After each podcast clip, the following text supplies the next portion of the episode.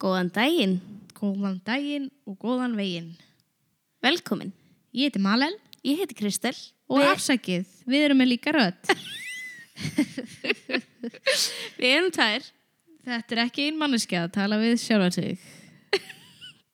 En það er smá munur, ég er smá svona kvefaðari. Eh, ég er ekki kvefuð, ég er bara alltaf svona...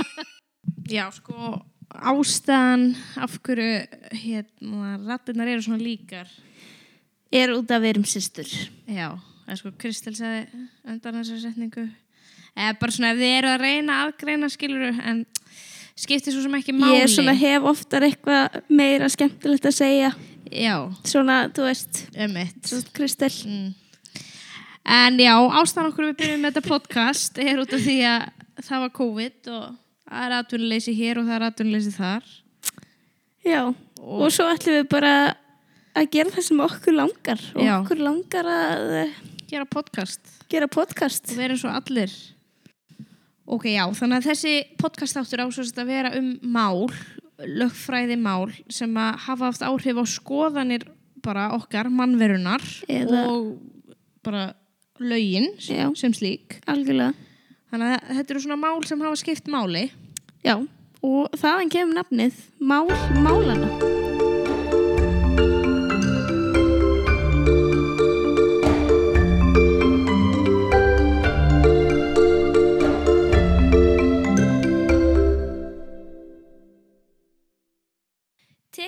Af áttavitunum.is Orðið fóstureyðing er mjög gildislega orð og því fylgir oft neikvæð umræða. Því kjósu við orðið þungunarof sem lýsi betur því sem á sér stað. Það er engin skömmi því að gangast undir þungunarof heldur beð það vott um ábyrðakent konunar. Já, við erum samt ekki læknar og við erum ekki hér til að dæma neitt. Við erum aðeins hér til að varpa ljósi á sögu þungunarofa í bandaríkjónum og hversu stórt mál þetta var. Þungunarof er tiltölulega nýlega orðið samfélagslega samþygt en það er til ársins 1973 í bandaríkjónum og 1975 á Íslandi voru þungunarof ólöglegar. Það gerði það að verkum að konur og stúlkur oft undir lögaldri voru að eignast börn sem þær vildu ekki og gátu bara ekki séð fyrir og það er kannski þess vegna sem að fóstukerfi í bandaríkunum er að springa og mörg börn sem enda þar inni eiga aldrei möguleika á farsalli æsku. Okkur langar að segja ykkur söguna, lögin og áhrifin sem að þungunróf hefur haft á bandaríkin og komum einni lítilega inn á Ísland og okkar lög hér. Við ætlum að taka fyrir málið Roe v. Wade en þetta mál á ótrúlegan satt en þá heima í okkar samtíð. En málið var upplega tekið fyrir í Texas í bandaríkjunum 1969. Þar vildi til að tveir lögfræðingar, þær Linda Coffey og Sarah Weddington, voru í leita að ungri konu sem var ólétt og vildi farið þungunarof. Þær vildu helst konu sem var á botninum í samfélaginu en Norma McCovery var á þessum tíma 21 árs og ólétt og það ekki í fyrsta skipti. Hún var atvinnlaus, var háþýknefnum og sá nú þegar um eitt bann. Hún leitaði til læknis til að framkoma þungunróf en það var ólöglegt á þessum tíma. Vinkorun hennar mældi með því að hún segði að henni hefði verið nöðgað því þá var læknirinn líklegri til að samþykja þungunrófið. Hún var síðan sett í samband við Coffey og Weddington, lögfræðingana sem kerðu Richard Wade en hann var saksóknari í Dallasíslu í bandaríkanum. Og hvað er saksóknari? Já, saksóknari er sá lögfræðingur sem talar fyrir ríkið, fylkið eða sísluna. Hann sér til þess að lögum sé fyllt. Richard Wade sem saksóknari var sá sem fylgdi þeim lögum að þungunróf yrðu ólöglegar nema í þeim tilgangi til að bjarga lífi konunar. En af hverju voru Coffey og Weddington að kæra saksókn, saksóknaran við Richard Wade persónulega en ekki bara fylkið eða sísluna? Já, það var því að Richard Wade var efsti löggeslumadur í Dallasíslu þar sem Roe eða Norma, aðal personan hér, bjó. Og hún var því að skora á hann til að breyta lögunum svo að hann geti ekki lögsótt hana fyrir að hafa farið í þungunarof. Ok, en núna segir Ró og Norma, er þetta sama manneskjan? Einmitt, þetta er saman mannskjan. Í upphæfi var eh, máli heitið Jane Roe til að halda nafnleind yfir Norma McCovery en síðar kom hún fram undir einn nafni en, en þá var lagalegur grunnur málsins farin á stað. En Norma Já. er Roe í rauninni. Og Norma var svolítið andlit pro-choice herferðinar eða þeir sem vildu eiga möguleikan á þungunofi. Máli kom svo til Supreme Court eða hæstarétt í bandaríkunum en það er einungis 1% þeirra mála sem sækja þar um sem fá að deila mál sín þar. Supreme Court dómararnir eru tilnæmdir að fórseta bandaríkjana sem síðan senadate eða embættismenn samþykja eða ekki. Dómararnir gegna embætti sínu til lífstíðar og alls eru nýju dómarar. Það var svo árið 1972, þremur árum frá því að Norma var ólétt af fóstunu sem hún vildi eigða og barðist hart fyrir en það er kannski ekki margir sem átt að segja á því að Norma átti barnið en gaf það svo til fósturs þar sem hún gati ekki séð fyrir barninu. Í janúar 1973 dæmdu dómararnir 72 ró í vil og þar með urðu þungunróf í bandaríkunum lögleg. Dómararnir sögðu að þungunróf fylgdu 14. grein stjórnarskránar um persónu og engalífslög. Og þetta var auðvitað sigur. Þetta þýtti að öll fylki bandaríkjana þyrtu að leifa þungunróf skildi kona óska eftir því. Mörg fylki eins og Missouri voru ekki með þungunróf lögleg. En þar sem þetta var á við stjórnarskrá bandaríkjana þá þurftu þau þetta að fylgja því eftir. Og maður hefði bara vonað að þetta væri komið allir sáttir og takk og bless en það var bara alls ekki þannig. Líf Normu var hins vegar aldrei eins. Hún vann sem dæmi á læknastofu sem framkomdu þungunróf en þar fyrir utan hópuðust oft mótmælendur og mótmælinn gengur oft svo langt að fólk mætti með skildi með myndum af fósturvísum til að samfara konur um að þær getu ekki drepið barnið. Í alvöru. Og mættu bara mótmældur uh, fyrir utan þessa stofu til að gefa konum sektarkent við það að eigða fósturinu bara. Og bara stundum er þess að gekk þetta svo langt að þau fóru að bjóða upp á sidewalk counseling eða ráðgjafa þjónustu á gangstéttinni. Mm. Þau reyna að ná konum sem er að lappa inn á læknastofuna, spjalla við þær og reyna að samfara þær að eigða ekki fóstinu. Þetta var auðvitað mikið álag á normu að vera andlit þessara herrferðar og vera Jane Roe Mm en árið 1994 þá ákvað norma að verða andlit mótmælandana. Það er pro-life herrferðarinnar. Býtu það, var hún þá bara algjörlega búin að skipta um skoðun? Sko, þá var Norma nefnilega búin að helga sér trúna og sökti sér í kristintrú. Hún kynntist Philip Benham sem var prestur og framkvæmdastjóri samtaka gegn þungunrófum Operation Rescue. Hún var skýrð inn í kristni trúna í sundlaug og voru myndatökumenn á staðnum og fjölmiðlar notuðu tækifærið og síndu skýrnina í betni útsendingu. Tveimur dögum síðar kom Norma svo fram, sagðist hafa hætti vinnunni sinni hjá Þungunrófs stofunni og ætlaði að ganga í lið með pro-life herrferðinni til að gera Þungunróf ólögleg á ný. Það að verkum að margir sem stóðu með henni og því sem hún hafi, hafi barist fyrir fóru að efast um lögin og álit sitt á Þungunrófi. Norma var í langtíma sambandi með konu og bjómaðinni en eftir að hafa tekið upp trúna trúði hún ekki lengur á samkynnið ástarsambund og sleit sambandinu við konuna en sko hún, hún bjó samt en það með henni sko. Það var ekki fyrir en árið 2020 þegar heimildamindum Normu kom út sem heitir a.k.a. Jane Roe en þar sagði Norma sína sögu og hún sagði að pro-life herrferðin hefði borgað henni mjög háar upphæðir til þess að vera andlit þeirra málstæðis eða gegn þungrunrófi. Þeir hefðu þvingað hana í að slíta sambandinu við konuna sína því það passaði auðvitað ekki við þeirra skoðun og í myndinni raukstutti prestur það að normu hefði verið greitt gegn því að taka tilbaka það sem hún hefði sagt 20 árum áður um þungunróf. Þá stegi hún fram í fréttamiðlum, las texta sem henni var gefin og segir sjálf að hún sé bara góð leikona og þess vegna trúði fólkinni. Þannig að prólægi fólkið, það keipti skoðun hennar og notaði rauninni bara hana. Nákvæmlega og að því að hún var svolítið andlitið eh, með þungunarofi áður að þá var þetta alveg fullkomið að kaupa bara hennar skoðun og hún var svolítið notaður sem skjöldur til þess að réttlæta öfgakenda skoðanir, hásettra, hægri sinna manna sem bara áttu pening til að borga normu. Mm Í heimildamyndinni sem fylgst er með norma á síðustu metrum lífsinnar en hún dó árið 2017 vegna hjartabilnar þá sá hún bara allan sannleikan. Hún sagði þar að meðal að hún trúði því að konur ættu sjálfar að ráða líkama sínum og stjórnvöldið að kirkjan ættu ekki að hafa áhrif niður skoðanir á því. Og Richard Veit, saksóknari, hann dó árið 2001 þá 87 ára gamall Hann hefur sagt í viðtölum að hann persónulega hafði ekkert að móti þungunrófi en það er hann demokrati og þó þessi dómur berið nafn hans þá hafði hann aldrei lesið dómin eftir hann fjall í hæstarétti bandaríkjana. Wow.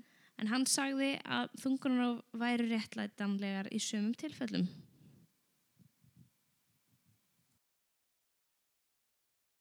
Pro-Life mótmælendur og stuðningsmenn halda göngu March of Life þann 22. janúar í Washington hvert ár en það er dagurinn sem Roe v. Wade var lögleitt af hæstarétti bandaríkjana og í sömu fylgjum í bandaríkjunum er hægt að fá númeraplötu með pro-life þema til að sína málinu stuðning.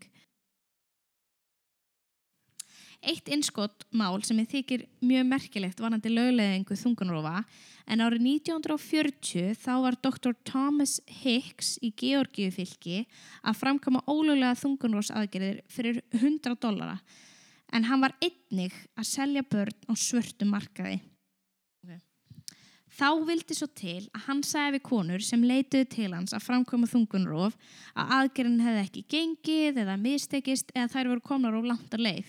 Hann kvatti þær til þess að ganga með barnið, hann myndi aðstofa þær við að eignast barnið og síðan myndi hann finna fóstur fyrir barnið og greiða þeim pening fyrir það.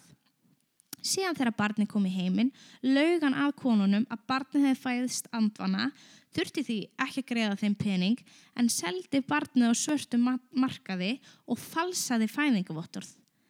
Þessi börn sem voru seld vita því flest ekki einu sinni að þau voru ætlit því að fæðingavottorðið þeirra ber nafn fósturfóldra en ekki blóðmóðurina. Og blóðmóðurinn leitaði ekki að barninu þar sem hún kjælt í raunin að barnið væri ekki til. Þá hafa nokkuð börn fundið blóðfjölskyldur sínar eftir að þetta komst í fjölmiðla í bandaríkjónum og þau geta öll borið sér saman því að það er nafn doktor Hicks á fæðingavottorinu þeirra og frá þessari stofu í Georgiu það er talið að yfir 200 börn hafi orðið fyrir þessum ljóta leik hjá honum Higgs og flest þeirra eru fætt á 1955 til 1960 veist, og það er ekkert svo gamalt það er bara aldrei fóreldra okkar Nei, annars skríti mál sem kom upp núna bara í september 2019 þegar Ulrik Klofer sem framkvæmdi þungunarof dó uppgötu ættingar hans 71 kassa í bílskonunum hans með 2246 fóstrum ha? sem að hann var ekki búin að farga á réttan hátt og síðan fundust 165 fóstur í bílnum hans og þetta þótti mjög óvögulegt og pro-life fylgjendur nótuðu þetta og, og fjölmjöla fárið sem fylgdi þessu að sjálfsögu og buðu til jarðafærar en ef við förum aðeins til Íslands að þá hefur Ísland verið með lögleg þungurnróf frá 1975 en í hegningalögum frá 1868 var refsing fyrir þungurnróf alltaf 8 ár. Það var svo árið 1935 sem að þungurnróf voru leifð að lækningsfræðilegum ástæðum og nú síðast árið 2019 þróuðu slögin og þungurnróf leifð að alltaf 20. annari vikur. En manni finnst svo skrítið að hugsa til þess að lifa á 21. öldina sem réttur kvenna er ekki meiri en þessi en á Írlandi sem við teljum bara að vera nokkuð líkt Íslandi að mörgu leiti þá var það bara síðast árið 2018 sem að þeir kusu 66% með þungunrófi. Þar að áður hafði þungunarof verið ólöglegt nema konan sé í lífsættu og konur þar í landi oftust að leita til nágrannlanda til að fara í aðgerðina. Ok, þannig að þú ættir heima í Írlandi og vildir fara í þungunarof bara að einhverjum ástæðum sem náttúrulega bara kemur þér Bara Einum við, já. mhm. þá þurftur þú annarkvært að ferðast fá þér frí þetta er einmitt fólki sem kannski á ekki efna því að að eignast börnin sem þurft að taka sér frí eða ferðast eða Já, ferðast á milli landamæra, eh, það, það kre- krefst ákveðin, ákveðin ákveðins kostnar Já. að ferðast og náttúrulega líka taka frí frá því sem þau eru að gera, kannski vinnu eða skóla eða, eða slíkt nákvæmlega. þannig að þetta er ekki hendugt En hvað gerist næst í bandaríkjunum? Já, sko, eftir að Anthony M. Kennedy sagði af sig sem dómari í Supreme Court, þá fekk Donald Trump, vinnur okkar, fórseti bandaríkjana, að tilnefna dómara. Kennedy var þekktu fyrir að vera svona swing vote í samfélagsmálum, en eftir að hann vek úr starfi, þá eru fleiri íhaldsamir dómarar en þeir frjálsundu. En í kostningarherferði sinni 2015 þá lofaði Trump fylgjendu sínum að hann myndi tilnefna dómara sem myndu breyta lögunum um þungunof. Og hann hefur tilnefnt Neil Gorach og Brett Kavanaugh og skoðanir þeirra getur haft veruleg áhrif á framtíð bandaríkjana eh, en nú er til meiri hluti til að taka úr gildi Roe v. Wade úrskurðin og þá með að hvert og eitt fylki fyrir sig ákveða sín lög hvað þetta mál varðar. En hvað þýðir það þá fyrir hvert fylki fyrir sig? Mörg fylki, sérstaklega í Suðuríkjónum, hafa komið með svo kvöldu trap law þar sem jú, tungurof eru löglegar því að stjórnarskráin segir til um það en lögin fyrir læknastofuna eru íþvingjandi og nær ómöguleg að uppfylla.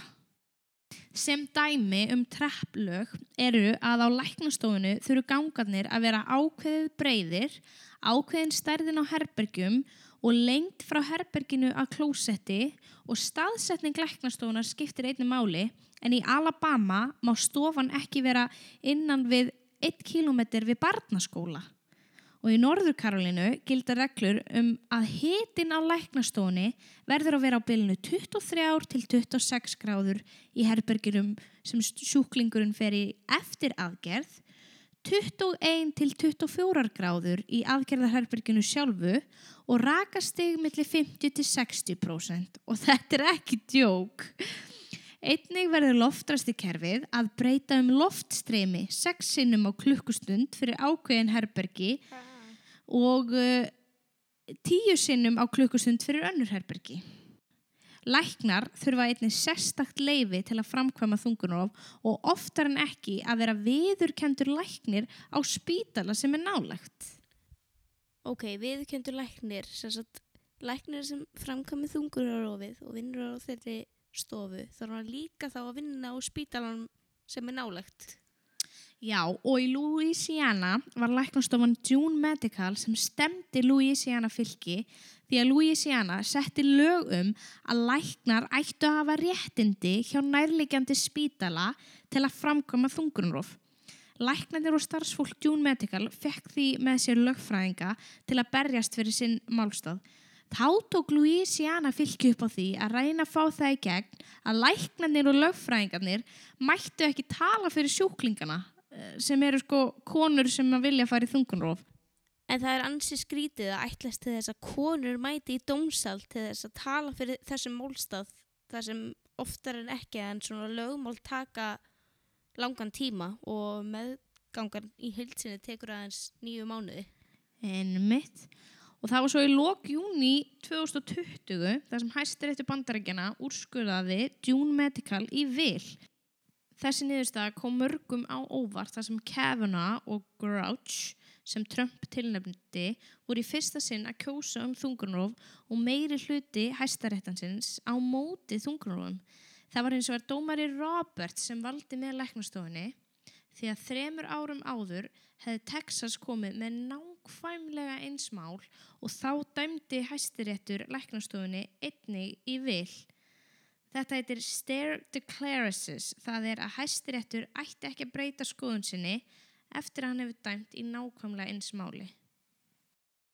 Svo þessi ákverðin kom alveg frekar mörgum á óvart og þetta var frekar óvænt niðurstaða þar sem í rauninni fleiri dómarar eru þá á móti að hafa löglegar þungunar og sæðgerðir.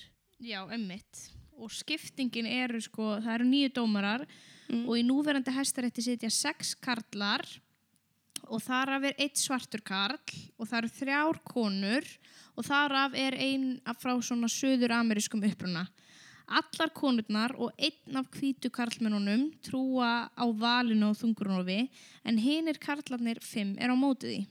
En núna hins vegar er hægt á því að Trump fá að velja sinn þriðja hæstaréttadómara þar sem að Ruth Bader Ginsburg var lögðin á spítala vegna sýkingar en hún er sko 87 ára gömul. En hún reyndar algjör nagli og hefur þrísasunum sigrast á krabbamenni komið tilbaka eftir fall og þrjú brotir rifbein.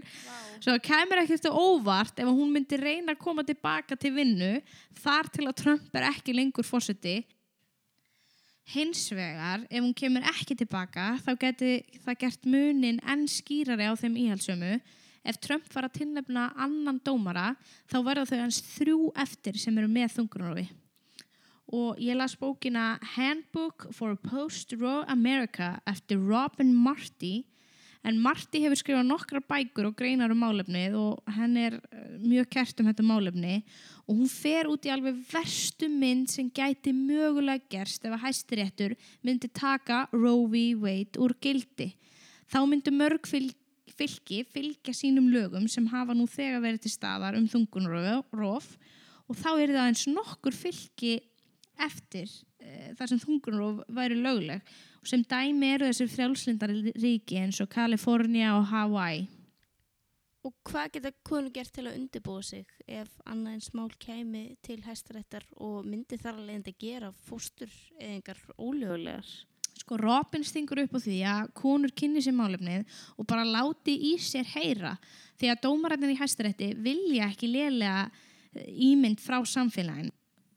Þetta er kannski voða fjärstæðukent fyrir okkur hérna á Íslandi að konur og stelpur í bandaríkjunum sem við hefum talið að lifðu við svipur réttindi og við getur mögulega mist þau réttindi allt vegna pólitískra skoðuna hjá oftar en ekki karlmönum sem hafa ekki áhrif, sem hafa svona rosalega áhrif á þær.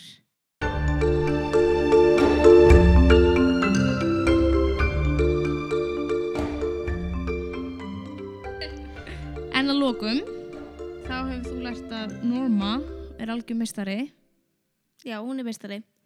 Ég hef líka lært það að það þurft að berjast mikið fyrir þessum Það þungunar. er merkilegt og mögulega eru að fara bara í aðra baráttu Já, uh, ljósið fyrir vinkonur okkar í bandaríkjunum. En ég hugsa að lögin hérna á Íslandi séu ágætlega safe Já, en, en aldrei segja aldrei.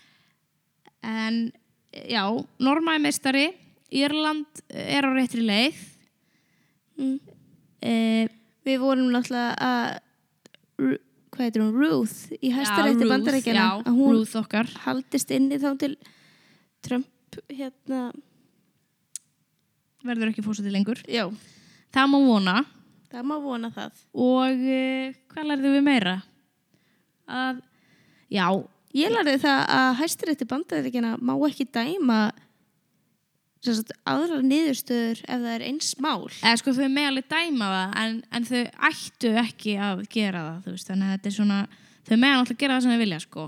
Þau dálítið... Þetta er hæstarétti bandarækjana, Já, þeir með að gera það sem þau vilja. sem þau vilja. Ok. En, en þau, eh, sko, þau meg, þau, þau geta nota þetta sem svona fyrirmynd. Já, Og vonandi gera þau það, þú veist, þannig að ef annað eins mál kemst allar leið til.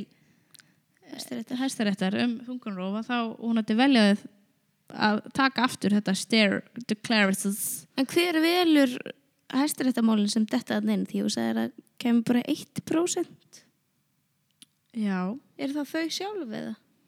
já, það er einhver sem, ég veit ekki, það er einhver filter á þá ég meina þau er ekkert að Er þið samt að heyra put you on the spot? ég meina þau er ekkert að heyra eitthvað, eitthvað jói sem að, þú veist rendi eitthvað súkulaði stykki í einhverju Walmart þú veist 2001 en ekkert að heyra það skilur við mig Nei, en það er svolítið líkt málinu sem við erum að í næst. Já, hann með renda okkar Já, hann, hann kemur fyrir næst Býðið spennt Haldið ykkur á teppinu. Takk fyrir! Takk fyrir!